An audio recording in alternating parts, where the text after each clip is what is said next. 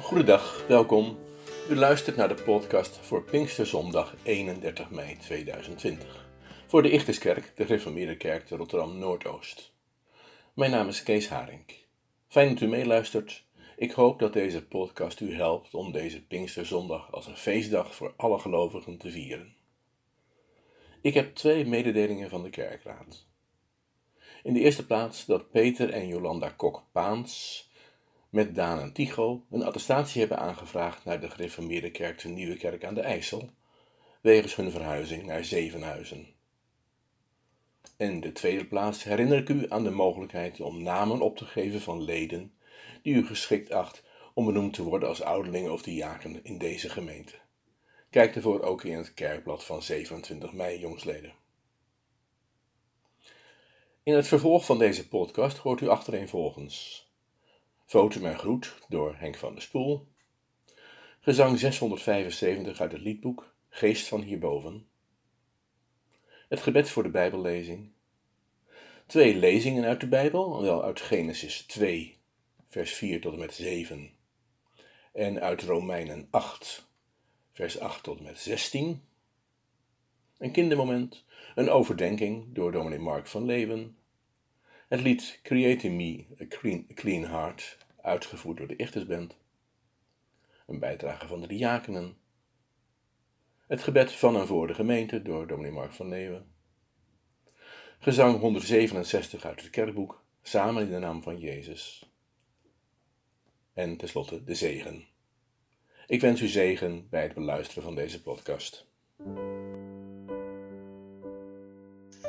Onze hulp is in de naam van de Heere, die hemel en aarde gemaakt heeft. Amen. Genade zij u en vrede van hem, die is en die was en die komt. En van de zeven geesten die voor zijn troon zijn.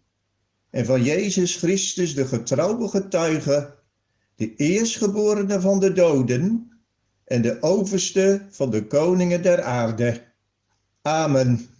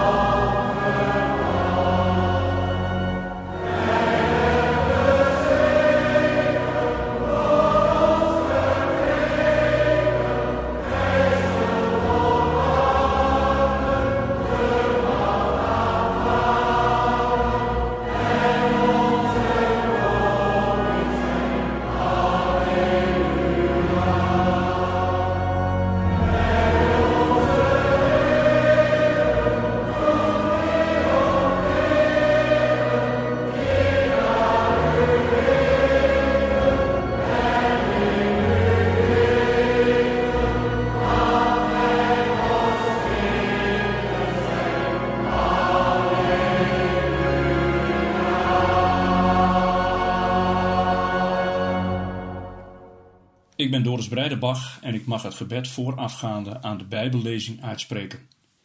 Almachtige God en Vader in de hemel, wij loven en prijzen uw grote naam. Ook vandaag, nu wij Pinksterfeest mogen vieren. Wat een geweldig feest, een oostfeest, omdat veel mensen tijdens het eerste Pinksterfeest in Jeruzalem tot het geloof kwamen. Dank u wel voor uw genade. We waren verloren, maar u vond ons. Dank u wel voor het offer in het bloed van Jezus Christus. Dank u wel voor zijn dood en opstanding, waardoor wij uw kinderen mogen zijn. Bevrijd, gered, verlost en vrij. Dank u wel dat u u in ons wil werken met uw Heilige Geest, net zoals lang geleden bij het Pinksterfeest in Jeruzalem. Dat is ook genade.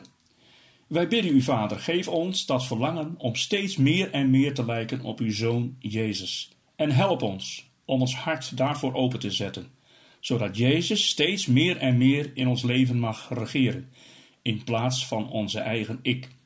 Steeds meer Jezus en minder onze eigen ik. Wilt u deze Pinksterzondag en alle kerkdiensten en overdenkingen, waar ook ter wereld, zegenen? Wilt u daardoor heen werken met uw Heilige Geest? Wilt u ons aanraken, waar we ook ons nu bevinden? Waai door onze levens.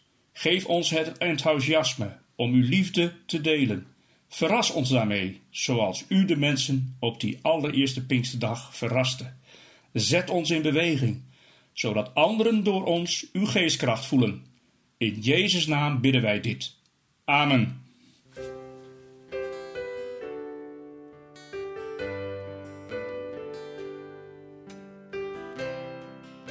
Ik ben Hendrik van der Spoel en ik lees met u Genesis 2, vers 4 tot en met 7 en Romeinen 8, vers 8 tot en met 16. Dan nu de eerste lezing, Genesis 2, vers 4 tot en met 7. Dit is de geschiedenis van de hemel en de aarde. Zo ontstonden ze. Zo werden ze geschapen. In de tijd dat God, de Heer, aarde en hemel maakte, groeide er op de aarde nog geen enkele struik. Er was geen enkele plant opgeschoten, want God, de Heer, had het nog niet laten regenen op de aarde. En er waren geen mensen om het land te bewerken. Wel was er water dat uit de aarde opwelde en de aardbodem overal bevloeide. Toen maakte God, de Heer, de mens. Hij vormde hem uit stof, uit aarde, en blies hem levensadem in de neus. Zo werd de mens een levend wezen. Dan nu verder met de tweede lezing, Romeinen 8, vers 8 tot en met 16. Wie zich door zijn eigen wil laat leiden, kan God niet behagen. Maar u leeft niet zo. U laat u leiden door de geest, want de geest van God woont in u. Iemand die zich niet laat leiden door de geest van Christus, behoort Christus ook niet toe.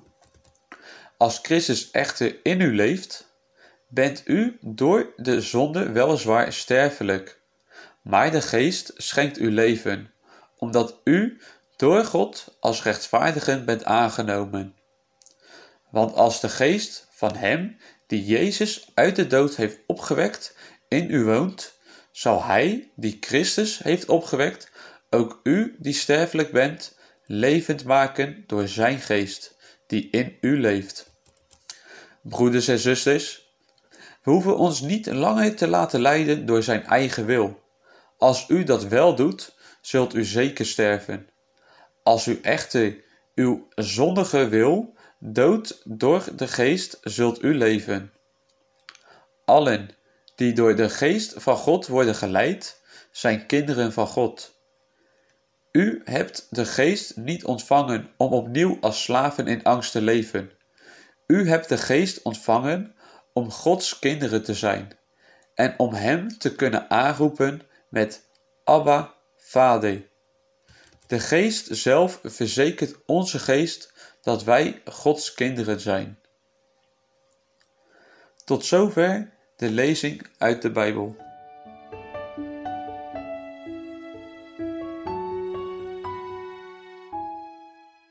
Nu volgt een kindermoment. Dat is alleen te volgen voor diegenen die de uitzending met beeld volgen via kerkomroep.nl. Maar iedereen kan het kindermoment straks ook bekijken via de link die is vermeld in de aankondigingsmail die u gisteren ontving.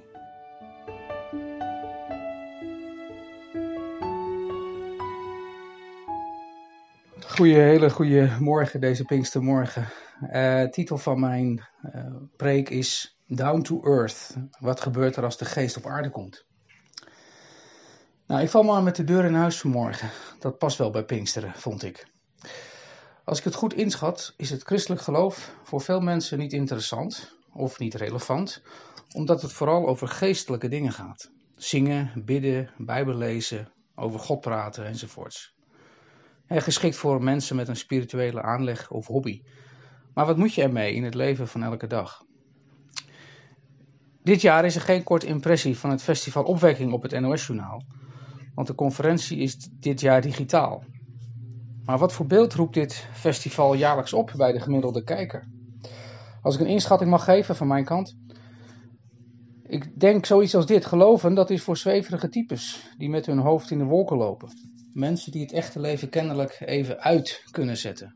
Leuk voor ze, maar het is niets voor types die met beide benen op de grond blijven staan en die worstelen met de harde realiteit van elke dag.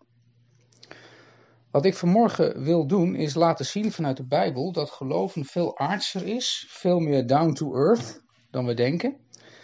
En tegelijk hoop ik duidelijk te maken dat het gewone leven veel geestelijker is, veel meer met God te maken heeft dan wij beseffen. Wat de Bijbel mij leert is dat ik als mens leef in twee werelden, twee realiteiten die volledig met elkaar verweven zijn. Ik ga daarvoor naar het begin van Genesis. Deze hoofdstukken vertellen het verhaal van de schepping van de wereld. Dat God erachter zit en dat de mens het hoogtepunt is van die schepping. Het gedeelte waar het Bijbelvers uitkomt is een hoofdstuk dat beschrijft hoe de mens bedoeld is door God. Het ideaalplaatje, zeg maar. Vlak hierna namelijk, in hoofdstuk 3, gaat het fout, omdat de mens zijn eigen weg koos. Een leven zonder God. En dat hebben we geweten. We zien het om ons heen. Het leven is stuk. Stuk gelopen op de eigen wijsheid van de mens. Op de houding, ik red het zelf wel. Maar als het aan God ligt dus, ziet je leven er anders uit. Hoe heeft God jouw leven bedoeld? Het staat in hoofdstuk 2, vers 7 van Genesis. Er staat dat God de mens vormde uit aarde, uit stof. En dat hij de levensadem in zijn neus blies. Wat betekent dat? Nou, dat de mens aan de ene kant helemaal verbonden is met het tastbare, het concrete, het aardse leven. Een mens, Adam, betekent letterlijk ook uit de aarde, uit de klei getrokken. Adam komt namelijk van Adama, dat betekent grond of rode klei, rode aarde.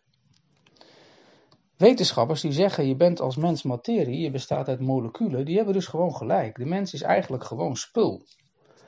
Maar er is wel meer te zeggen dan dat. De mens is meer dan materie. Er is namelijk ook nog een andere kant, een geestelijke. Genesis zegt namelijk over de mens: de mens komt pas tot leven als hij Gods adem ingeblazen krijgt. Het staat in hetzelfde vers, vers 7. Zo werd de mens een levend wezen. Dat wordt alleen van de mens gezegd. Daarin is hij uniek. Er loopt, er kruipt, er vliegt van alles rond in Genesis 1 en 2. Maar geen diersoort kan tippen aan de mens. In de mens is God zelf aanwezig. En let er ook op hoe het er staat. De mens komt pas tot leven als God in hem blaast. Die adem van God is dus geen extraatje. Je bent mens en dan komt God er nog bij. Nee, mens zijn is niet mogelijk zonder de directe verbinding met God. Het is te vergelijken met de beademingsapparatuur van de IC. Ongelooflijk belangrijk in deze periode van corona. Zonder die luchtslang is er geen leven. Zonder de beademing van God of door God is de mens ten dode opgeschreven. Dus hoe is de mens bedoeld door God? De mens is iemand die altijd in twee werelden tegelijk leeft. De mens is iemand van vlees en bloed, zo aards en tastbaar als wat. Hij staat met beide voeten in de modder. Maar tegelijk is de mens ook helemaal een geestelijk wezen. Met zijn hoofd in de wolken, zeg maar. Want hij wordt beademd door God. En dat betekent alles wat je doet staat onder zijn invloed. En daarmee krijgt heel je leven dus een geestelijke dimensie. Niets in je leven is alleen maar aards. Werk is niet alleen maar werk. Schoonmaken niet alleen maar schoonmaken. Koffiedrinken is niet alleen maar koffiedrinken. Vakken vullen niet alleen maar vakken vullen. Alles staat in verbinding met God. En wij zijn vandaag gewend om de verschillende onderdelen van het leven in verschillende vakjes te stoppen. Het aardse, het tastbare leven, dat is werk, dat is studie, dat is wetenschap, dat is familie, vrienden, je hobby, je spullen.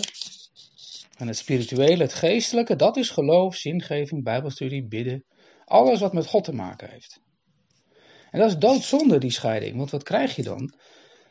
Dat je het als gelovige gaat hebben over een geestelijk leven los van je dagelijks bestaan. Alsof je geloof een aparte afdeling is van je leven. Eén of twee etages boven de begane grond. En niet-gelovigen, ja, die gaan door die scheiding van het aardse en het geestelijke zeggen: Oh, jij gelooft? Interessant, maar ik heb daar niets mee. Jammer, want zo wordt het leven steeds platter, steeds eendimensionaler. We houden alleen het aardse, het tastbare deel nog over. Wat stilletjes verdwijnt is die andere laag, die andere dimensie, die zo bij het mens zijn hoort. waar leven we eigenlijk voor? Wie willen we eigenlijk zijn? Waar hopen we op? Is het je al opgevallen dat juist deze vragen weer erg in trek zijn vandaag? Er is een verlangen naar die diepere laag. In de sleur naar je werk gaan, op de automatische piloot je studie doen, je vrije tijd gedachteloos voorbij laten gaan. Het is niet meer voldoende. Het leven moet meer te bieden hebben dan dat. En misschien krijgen wij daar juist vandaag nog wel meer tijd voor om over na te denken dan, dan ooit.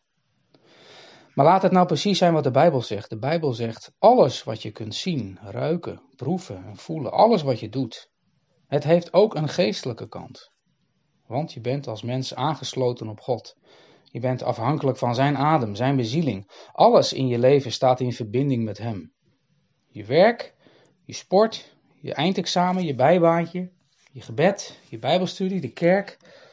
Alles maakt onderdeel uit van dat tastbare, dat aardse leven. En tegelijk heeft het allemaal ook een geestelijke kant. Je leven is bedoeld om Gods adem, om Gods bezieling er doorheen te laten gaan, want dan kom je pas tot leven. Maar ja, dat is zo bezield te leven vanuit je ware identiteit, dicht bij jezelf. Hoe doe je dat dan? Van alle kanten hoor je om je heen vandaag dat je het antwoord in jezelf moet zoeken. En ik denk dat het goed is om je leven niet te laten bepalen door wat anderen van je verwachten. Al moet je soms wel gewoon dingen doen die op je weg komen, hè, in je werk, in je familie. Een ziek familielid, een lastige klus op je werk, dan kun je niet altijd zeggen: Ik luister nu even naar mezelf, sorry. Maar globaal genomen is het dus goed om te luisteren naar je innerlijke stem, je intuïtie. Maar is dat voldoende als kompas? Ik ben bang van niet. Ik weet niet hoe jij het ervaart, maar ik merk bij mezelf vaak hele tegenstrijdige ambities. De ene keer wil ik iemand graag helpen die het moeilijk heeft in zijn leven. Maar de andere keer ben ik weer net zo hard bezig met mijn eigen dromen, met mijn eigen programma en is die andere persoon finaal uit beeld. De ene dag ben ik gelukkig en vol aandacht voor de ander, geduldig. De volgende dag wil ik even, even helemaal niemand zien. Het is precies wat Paulus volgens mij ook zegt in Romeinen 8. Hij heeft het daar over het leven door de geest. En dat is het leven in verbinding met God. Dat leven staat vaak haaks op wat wij zelf willen, voelen, denken. Hij ervaart daar een spanning. Daarom zegt hij dat we ons leven niet hoeven laten leiden door onze eigen wil. Vers 12 van hoofdstuk 8. Wat bedoelt hij nou? Want hier ontstaat gemakkelijk verwarring. Als Paulus het heeft over eigen wil, dan bedoelt hij niet dat alles wat wij zelf willen verkeerd is of zo. Alsof de mens helemaal niets goeds kan doen. Wat Paulus bedoelt is de eigen wil van de mens, voor zover die hem in de moeilijkheden brengt of anderen beschadigt. dus hier gaat het om puur negatief, egoïstisch gedrag.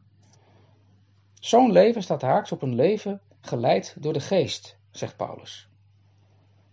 Dat kan nog vaag klinken, wat is dat dan? Geleid door de geest? Nou, lees in plaats van geest adem van God.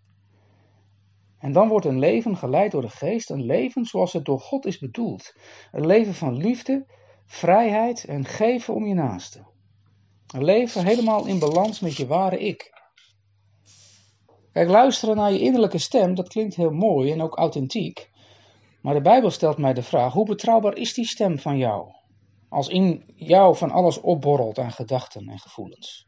Vergeving, liefde, hartelijkheid, maar ook haat, angst, somberheid. Van binnen zijn we zo tegenstrijdig. We kunnen onszelf niet als kompas nemen. Daarvoor zit er gewoon te veel rotzooi in ons. Maar ja, hoe moet het dan? Hoe vinden wij dan wel de juiste weg? Hoe worden wij die vrije en authentieke mens, zoals God heeft bedoeld? Ik denk dat Paulus die weg wijst als hij zegt: U hebt de geest ontvangen om Gods kinderen te zijn. Vers 15 van Romeinen 8. Geloven is niet luisteren naar wat anderen van jou vinden of wat jij van jezelf vindt. Geloven is luisteren naar hoe God over jou denkt. En God zegt: Jij bent mijn kind. Wat betekent dat? Nou, geloof het of niet, maar als God naar jou kijkt, dan ziet hij zijn eigen zoon in jou. Hij ziet Jezus. En dat is bevrijdend nieuws. Waarom? Omdat je nu niet meer vastzit in je eigen onmogelijkheden. Je hoeft niet meer het gevecht aan te gaan met jezelf. Het gevecht van ploeteren, zwoegen en geen centimeter vooruitkomen in wie je wilt zijn. Het gevecht van jezelf bewijzen tegenover anderen, tegenover jezelf. Daar mag je mee stoppen. Want het is Pinksteren geweest. De geest van Jezus Christus woont in jou. Je mag beginnen met de diepste waarheid over jezelf te geloven. Je lijkt voor God als twee druppels water op zijn zoon. Dat is je startpositie en je eindpositie tegelijk. Hier mag je steeds weer op terugvallen. Dit pakt niemand jou nog af. Minder wordt het niet en mooier kan het niet. Je bent een vrij, geliefd en prachtig kind van God. En het overweldigende nieuws van Pinksteren is voor mij dat Jezus met zijn geest nu aan de slag gaat. Er komt een kracht van buiten in mij. Er gaat een andere wind waaien. Stapje voor stapje, stukje bij beetje, word ik zoals ik bedoeld ben. Amen.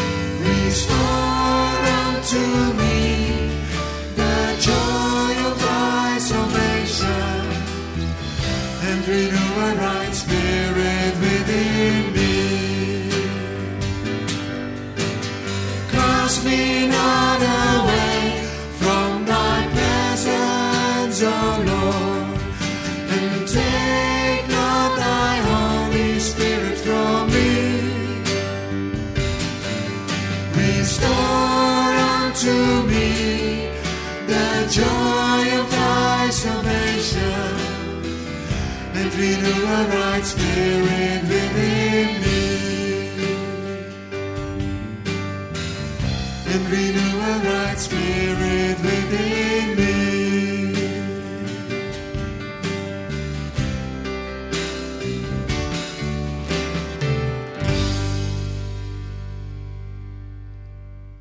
Goedemorgen, broers en zussen. Mijn naam is Matthijs Roskam en ik wil graag wat met jullie delen. Allereerst wil ik vragen: hoe gaat het met u, met jou? Hoe beleef je deze tijd? En dan vooral het gemeente zijn. Ik zou willen dat we die vraag weer snel aan elkaar kunnen stellen. Dat we elkaar weer kunnen ontmoeten. We missen het gemeente zijn. Ik denk dat je dat wel herkent. Gelukkig beginnen we vanaf volgende week weer met de kerkdiensten. Maar voorlopig zullen we elkaar nog vooral in kleinere groepen ontmoeten. En toch mogen we het gemeente zijn ervaren. Door voor elkaar te zijn. Dat betekent ook met elkaar delen. Bijvoorbeeld het delen van je tijd, je geloof en je geld. Als diaconie ondersteunen we de inzet van je gaven ook graag.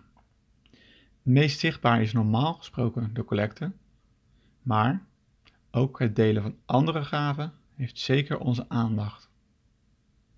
In 1 Petrus 4 vers 10 worden we aangemoedigd om de gaven die God ons geeft te gebruiken, om anderen daarmee te helpen. We hebben dat bijvoorbeeld ook in de podcasts van afgelopen tijd gehoord. Veel gemeenteleden hebben in de podcast of achter de schermen hun gaven en talenten ingezet. En ook daarbuiten is veel gebeurd. Dat hebben we op verschillende manieren kunnen merken. Dat is mooi om te zien en we willen je vragen om je in de diensten van de komende tijd en daarbuiten mee door te gaan. En tot slot nog even dit. Het geven in de collecte kon tot nu toe alleen door een bedrag over te maken naar de rekening van de diaconie. Om dit gemakkelijker te maken kun je ook gebruik maken van een betaalverzoek vanuit de diaconie. Hoe werkt dat? Als je de podcast volgt met beeld erbij, dan zie je een QR-code verschijnen. Deze kun je dan scannen met een telefoon of tablet. Daarmee wordt een betaalverzoek geopend. Hierin kun je zelf een bedrag invullen en de betaling verder afronden. Wil je op een andere manier een betaalverzoek ontvangen of heb je vragen over de collectes? Neem dan contact op met een van de diakenen. De collectedoelen voor deze week zijn Stichting Open Arms en de kerk.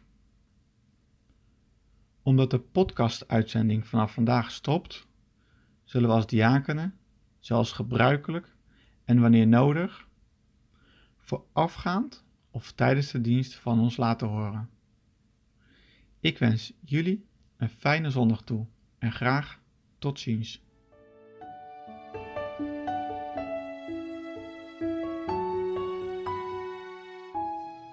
Zullen we nu eh, met elkaar bidden? Ik zal eh, voorbeden doen voor eh, Jolanda en Giel Vink. Zoals de meesten van jullie wel zullen weten, is eh, Jolanda op 14 mei bevallen van hun eh, tweede dochter, Hanneke. En afgelopen zondag mocht Jolanda na zes weken in het ziekenhuis te zijn geweest, eh, weer naar huis. Ehm, en Hanneke moest ja, nog blijven in het ziekenhuis.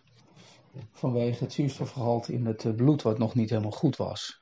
Maar van de week hoorden ze dat mogelijk Hanneke ook weer naar huis mag. En deze Pinksterzaterdag. Nou, daar willen we God voor bidden of dat ook echt mag gebeuren. En zij binnenkort weer als gezin bij elkaar mogen zijn. Laten we bidden. Vader in de hemel, schepper. U bent de God die ons hebt gemaakt. En de God die wil dat wij leven. Echt leven. In verbinding met u. En u belooft ons dan dat we thuiskomen en ons, ons ware ik vinden. Dat is een boodschap die we allemaal kunnen, kunnen gebruiken. We leven vaak zo snel, zo, zo langs anderen heen, zo weinig ook in contact met onszelf. En vandaag komt u ons vertellen dat er een rijker, een dieper leven is. Een leven waarin we onszelf vinden, waarin we onszelf terugvinden. Een leven waarin u zelf in ons woont met uw geest. Wij danken u dat we in ons geloof niet op onszelf zijn aangewezen, maar dat u zelf in ons komt wonen en dat u ons aanvuurt, ons enthousiasme geeft voor u en voor het evangelie van uw zoon. Heilige Geest, geef ons de volheid van zijn leven. Geef ons alles wat hij voor ons heeft verdiend. Niet alleen onze redding, maar ook dat nieuwe leven geleid door uzelf. En leer ons dan om veel van u te verwachten. Gaven die u kunt geven, de wonderen die u kunt doen in de gemeente en in ons leven. Richt ons in alles wat wij van u krijgen, dan steeds weer op het evangelie van Christus, dat we niet vergeten wie wij zijn. Kostbare kinderen van God, van top tot teen, door hem geliefd. Heren, dat geldt voor ons allemaal en wij danken u daarvoor. Wij danken u ook dat u dat zegt tegen Jolanda en Giel Vink en hun dochters Desiree en in het bijzonder Hanneke. Wij danken u voor het herstel van Jolanda, dat ze na een intensieve periode in het ziekenhuis weer terug mocht naar huis. Dank u ook dat het goed gaat met Hanneke, eh, dat ze op krachten is gekomen. En geef dat ze dit weekend, ook dit Pinksterweekend, ook echt weer als gezin samen mogen zijn. En dat ze kunnen genieten van elkaar als uitgebreid gezin. Ontferm u over de kleine Hanneke, maar ook over Jolanda en Giel en Desiree.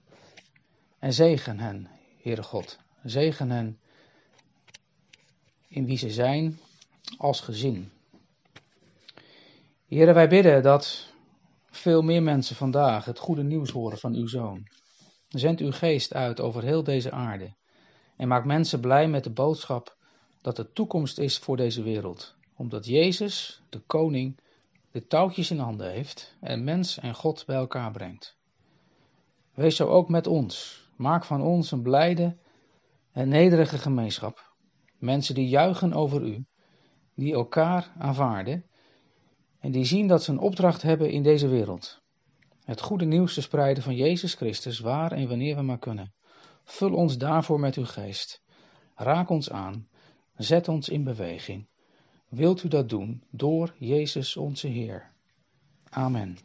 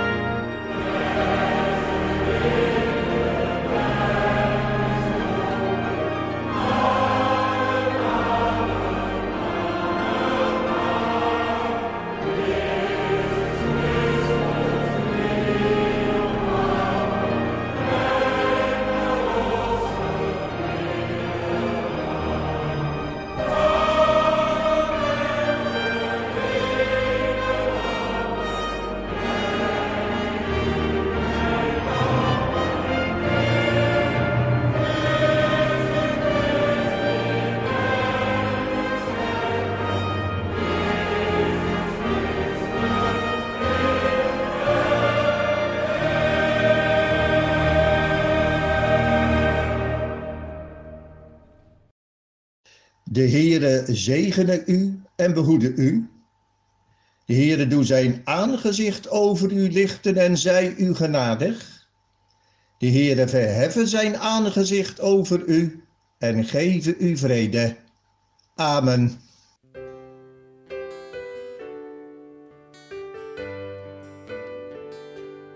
Tot zover deze podcast van de Ichterskerk, de gereformeerde kerk Rotterdam Noordoost. De montage van de podcast was in handen van Jorrit Boerma, Lennart Groenewald en Koos Weerheim. De uitzending via kerktelefoon en kerkomroep werd verzorgd door Wim van Apeldoorn. Volgende week zondag hopen we de kerkdiensten in de Ichterskerk te hervatten. De diensten zijn te volgen via de kerktelefoon, alleen geluid, en met beeld en geluid via de Ichterskerkpagina van kerkomroep.nl. De diensten in de Ichterskerk kunnen alleen worden bijgewoond door leden die daarvoor een uitnodiging ontvingen. Ik wens u een goede zondag.